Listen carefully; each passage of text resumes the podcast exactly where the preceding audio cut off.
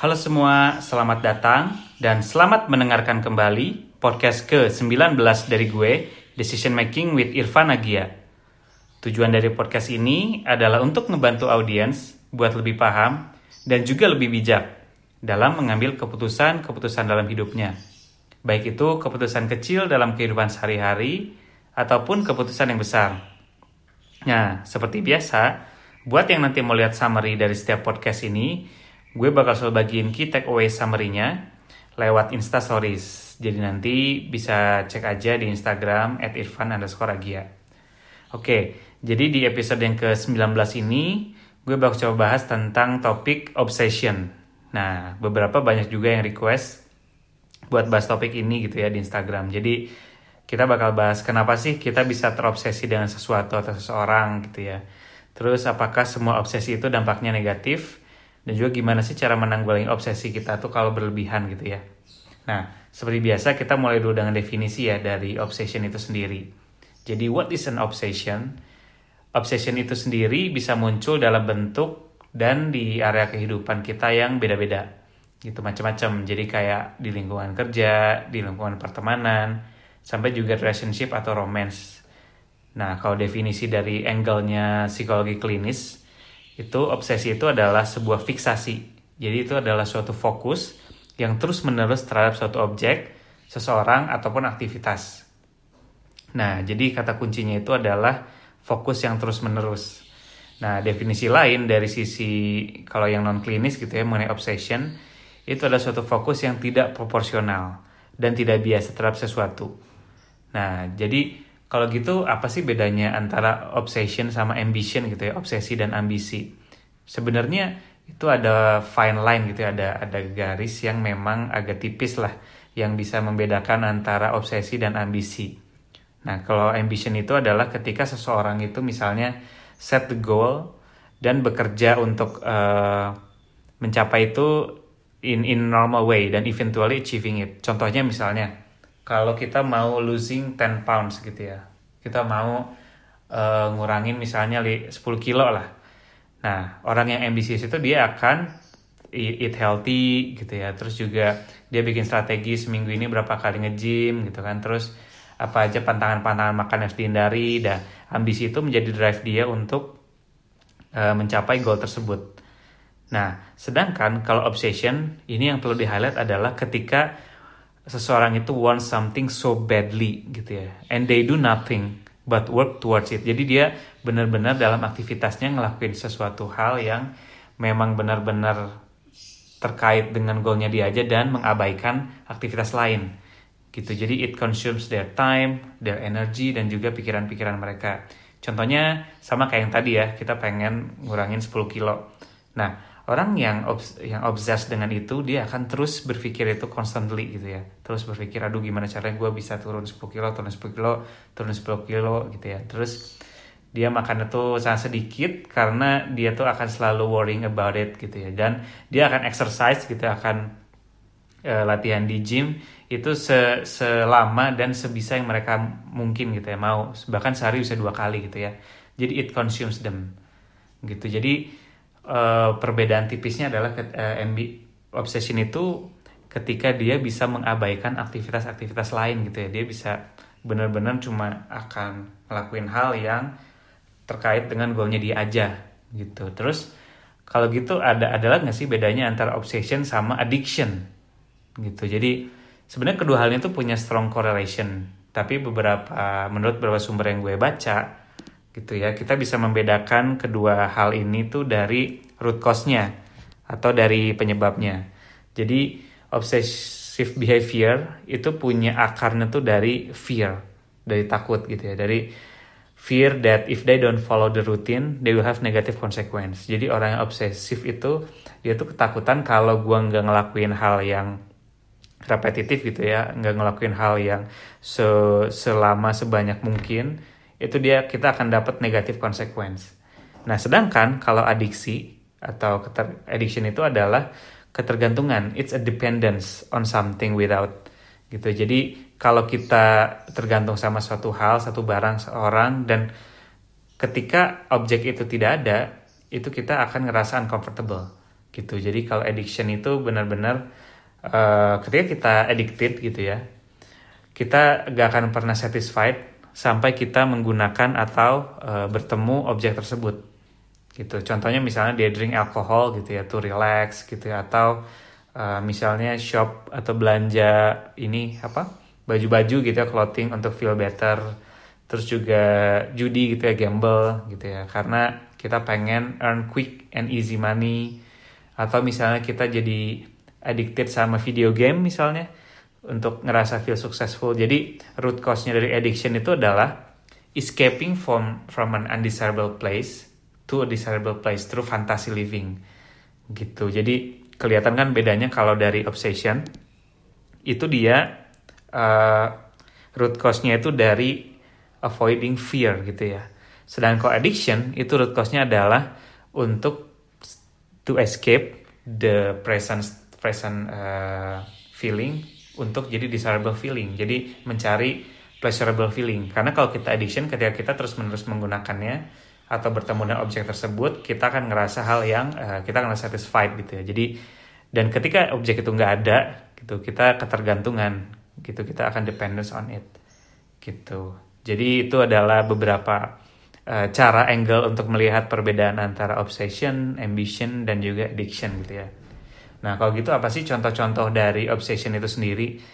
Jadi ada uh, psikoterapis uh, namanya Chanel Showden itu dia tuh bilang kalau ada beberapa bentuk obsession gitu ya dan gimana sih dia bermanifest dalam diri kita.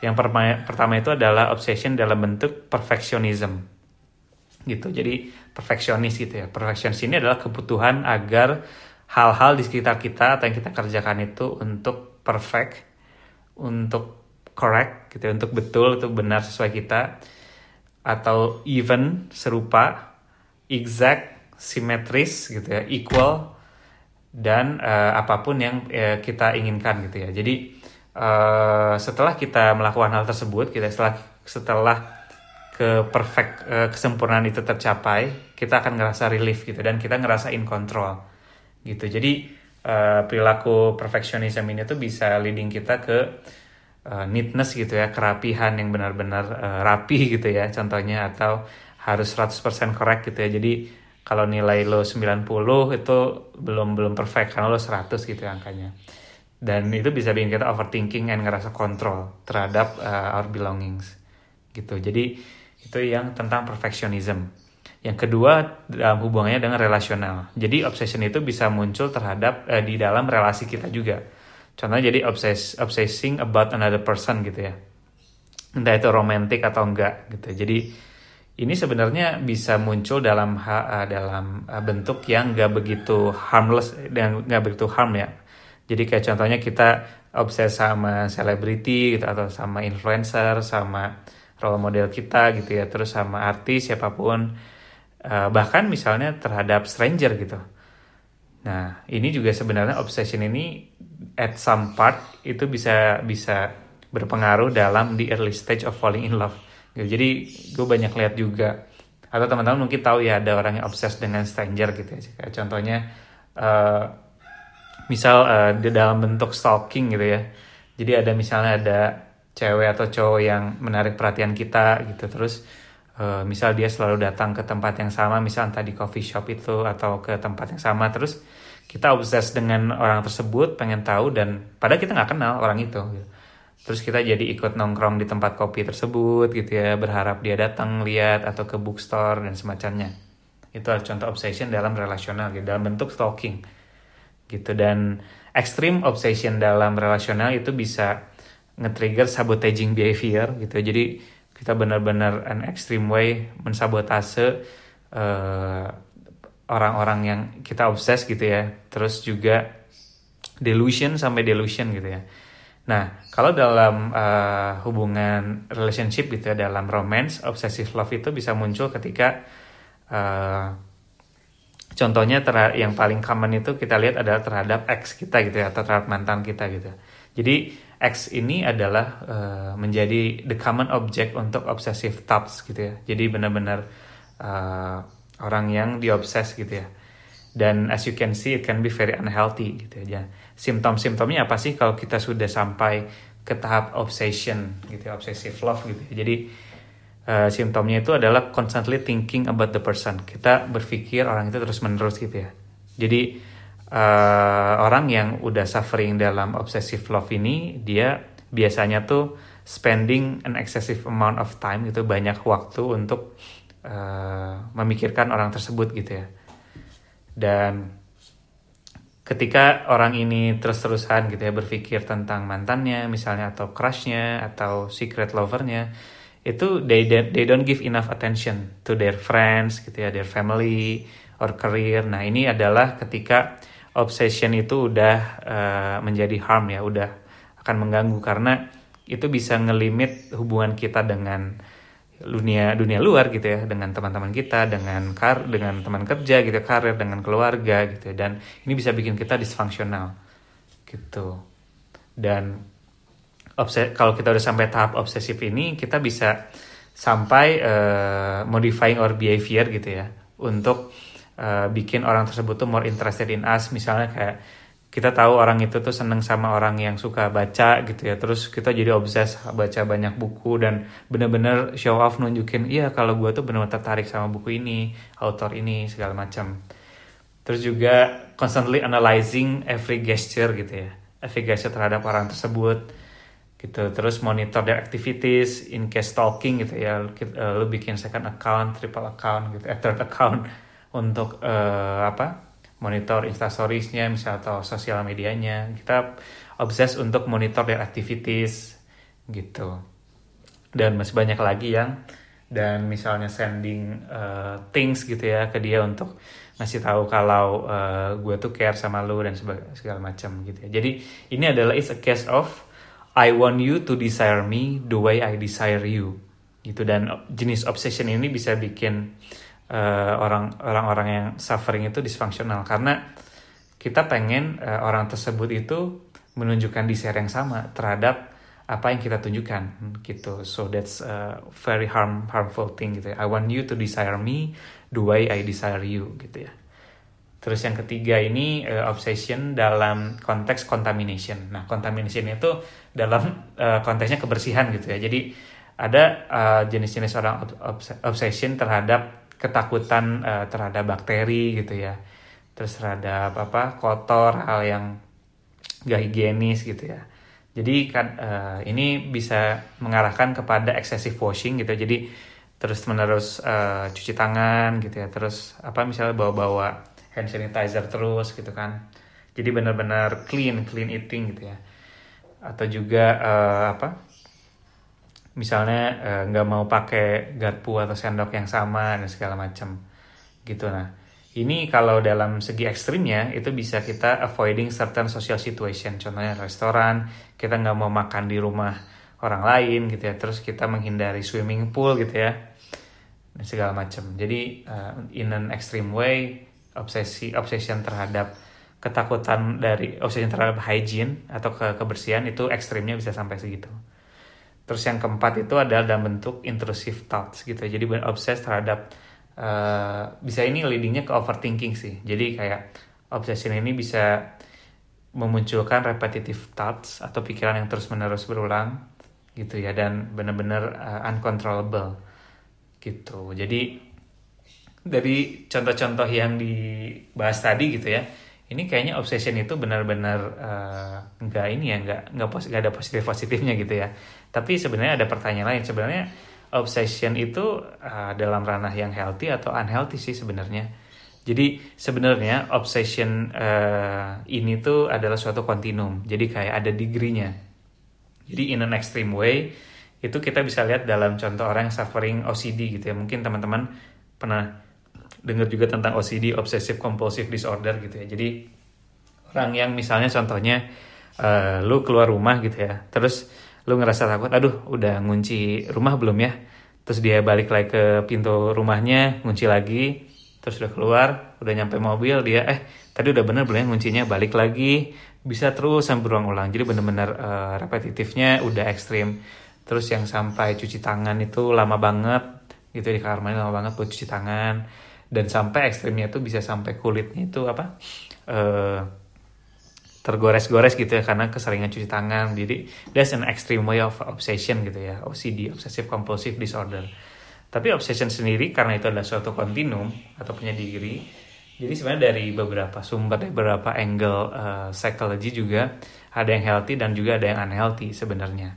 Gitu. Jadi sebenarnya obsession ini kalau kita lihat gitu ya kalau kalau gue pribadi ngelihat itu di ranah dunia kerja gitu ya. Jadi gue nggak nggak pernah lihat orang-orang yang ultra successful gitu atau orang yang uh, benar-benar stand out. Itu orang yang tidak punya obsession dalam diri mereka terhadap pekerjaan mereka. Gitu. Jadi menurut gue nobody who has ever achieved anything impressive atau outstanding itu dia nggak punya certain level of obsessiveness. Pasti dalam dalam apa uh, level tertentu atau takaran tertentu mereka obses untuk uh, making the project happen gitu ya. Terus juga making the the company successful terus juga passionnya segala macam. Dan karena kayak tadi misalnya kalau di kalau karena gue senang nonton bola gitu ya kayak pemain bola contohnya you can be a gifted footballer but unless you practice obsessively gitu ya you will never make it to the Premier League gitu ya misalnya. Karena lu tuh harus uh, punya obsession untuk uh, leveling up your skill gitu ya leveling up uh, your playing gitu ya karena uh, obsession itu menjadi suatu fuel juga ya suatu uh, drive untuk uh, bisa uh, advance gitu ya dari sejak karir ataupun meningkatkan skill. Gitu. Jadi striving for your goal your goal is the goal. Gitu. Jadi uh, kita coba bahas tentang healthy obsession ini ya. Jadi sebenarnya obsession dalam takaran tertentu itu bisa bisa healthy gitu ya. Jadi uh, persistence sendiri itu comes with a healthy dose of obsession gitu. Nah kalau begitu apa sih kita harus tahu apa yang membedakan antara healthy obsession dengan unhealthy obsession? Sehingga kita bisa tahu oh uh, sampai tahap mana nih obsession level kita ini udah masuk yang dangerous atau yang masih dalam takaran yang uh, positif. Jadi the biggest differentiating factor of healthy obsession dan unhealthy itu adalah outcome-nya. Gitu. Jadi if you're repeating the same task with the same result gitu ya terus-terusan gitu ya, is an act of, with the same result is an act of insanity. Tapi ketika kita repeating the same task in different situation and see different result, then it's good testing. Gitu. Jadi outcome outcome-nya adalah faktor yang uh, paling bisa kita lihat gitu ya. Dan yang paling penting adalah seberapa besar pengaruh dari obsession ini terhadap aktivitas kita di luar pekerjaan tersebut gitu. Jadi intinya ketika uh, obsession itu membuat kita lupa makan gitu ya jarang jarang ketemu apa jarang menghabiskan waktu dengan keluarga gitu ya kita nggak memprioritaskan yang lain just kita lost contact dengan outside world gitu ya dengan dengan teman-teman kita dengan peer dengan keluarga dengan partner gitu ya dan mengabaikan. Jadi kalau kita sudah sampai mengabaikan eh, hal-hal uh, yang berat terhadap well-being kita, relation kita, that's uh, that's the red red alert gitu ya. Itu berarti obsession kita udah unhealthy gitu. Jadi uh, ketika kita bisa sampai tahap obsession yang healthy atau yang sehat, kita bisa tahu uh, kapan to say no gitu. Jadi ketika kita punya healthy obsession, kita tahu kita udah punya set goal. Oke, okay, goal gue adalah untuk uh, executing this project in three months gitu ya. Dan uh, yang harus gue lakukan adalah ini ini ABC ABC dan hal yang mendistract gue adalah ABC dan ABC nah ketika kita udah punya healthy obsession tersebut kita akan mudah untuk say no. Gitu kita akan mudah mengatakan tidak kepada hal-hal yang bisa mendistract kita. Gitu dan kita kita punya healthy obsession kita bisa belajar untuk extinguish distraction so that we can concentrate. Gitu jadi uh, gue quote Warren Buffett sendiri dia bilang bahwa very successful very successful people itu had one advantage gitu ya over the the the other successful. They can say no to almost everything gitu. Kenapa? Karena uh, successful people itu obsessed dengan uh, uh, saying no gitu ya. Karena if they always say yes gitu ya terhadap semua opportunity semua activity they'll not only get distracted tapi juga prevents them from accomplishing their ambition gitu. Jadi ketika kita punya healthy obsession kita bisa uh, mendiferensiasi nih. Kita bisa ngefilter mana hal yang bisa mendistract kita terhadap ambition mana enggak. So in in some level certain level obsession obsession itu bisa menjadi uh, skill juga dan juga bisa menjadi uh, pagar lah ya. Pagar kita untuk tetap fokus nggak ngerjain hal-hal yang di luar uh, ambisi kita dan sebagainya. Nah, root root cause-nya adalah desire to be better ketika healthy obsession itu. Nah, jadi misalnya kalau gitu kalau misal kita udah uh, ngerasa obses nih, terus kita ngerasa wah ini kayaknya gue udah udah nggak nggak healthy nih. Gimana cara kita kontrolnya gitu? Gimana cara kita mengkontrol obsession kita biar nggak uh, menuju ke unhealthy way? gitu jadi so the challenge is to to make our obsession function positively gitu controlling them so they don't control us nah gimana kita coping dengan uh, overthinkingnya gitu repetitive thoughts. Jadi yang pertama yang harus kita lakukan adalah don't fight them gitu. Jadi memang ini terdengarnya mungkin counterintuitif ya. Lu mau mengkontrol obsession tapi lo diminta jangan jangan fight them gitu. So gimana? Karena uh, kalau di psikologi itu ada namanya tuh white white bear uh, effect gitu ya. Jadi contohnya misalnya sekarang gue uh, minta teman-teman yang dengar tolong jangan pikirkan uh, beruang warna putih. Voila, teman-teman akan langsung memikirkan beruang putih. Padahal instruksi gue tadi sebelumnya adalah jangan pikirkan beruang putih, gitu. Tapi uh, kita nggak bisa fight uh, apa touch kita gitu ya. Kita nggak bisa terus menolak gitu. Gue nggak mau mikirin gue mau mikirin. Semakin kita nggak mau memikirkan sesuatu semakin kita akan memikirkan hal tersebut.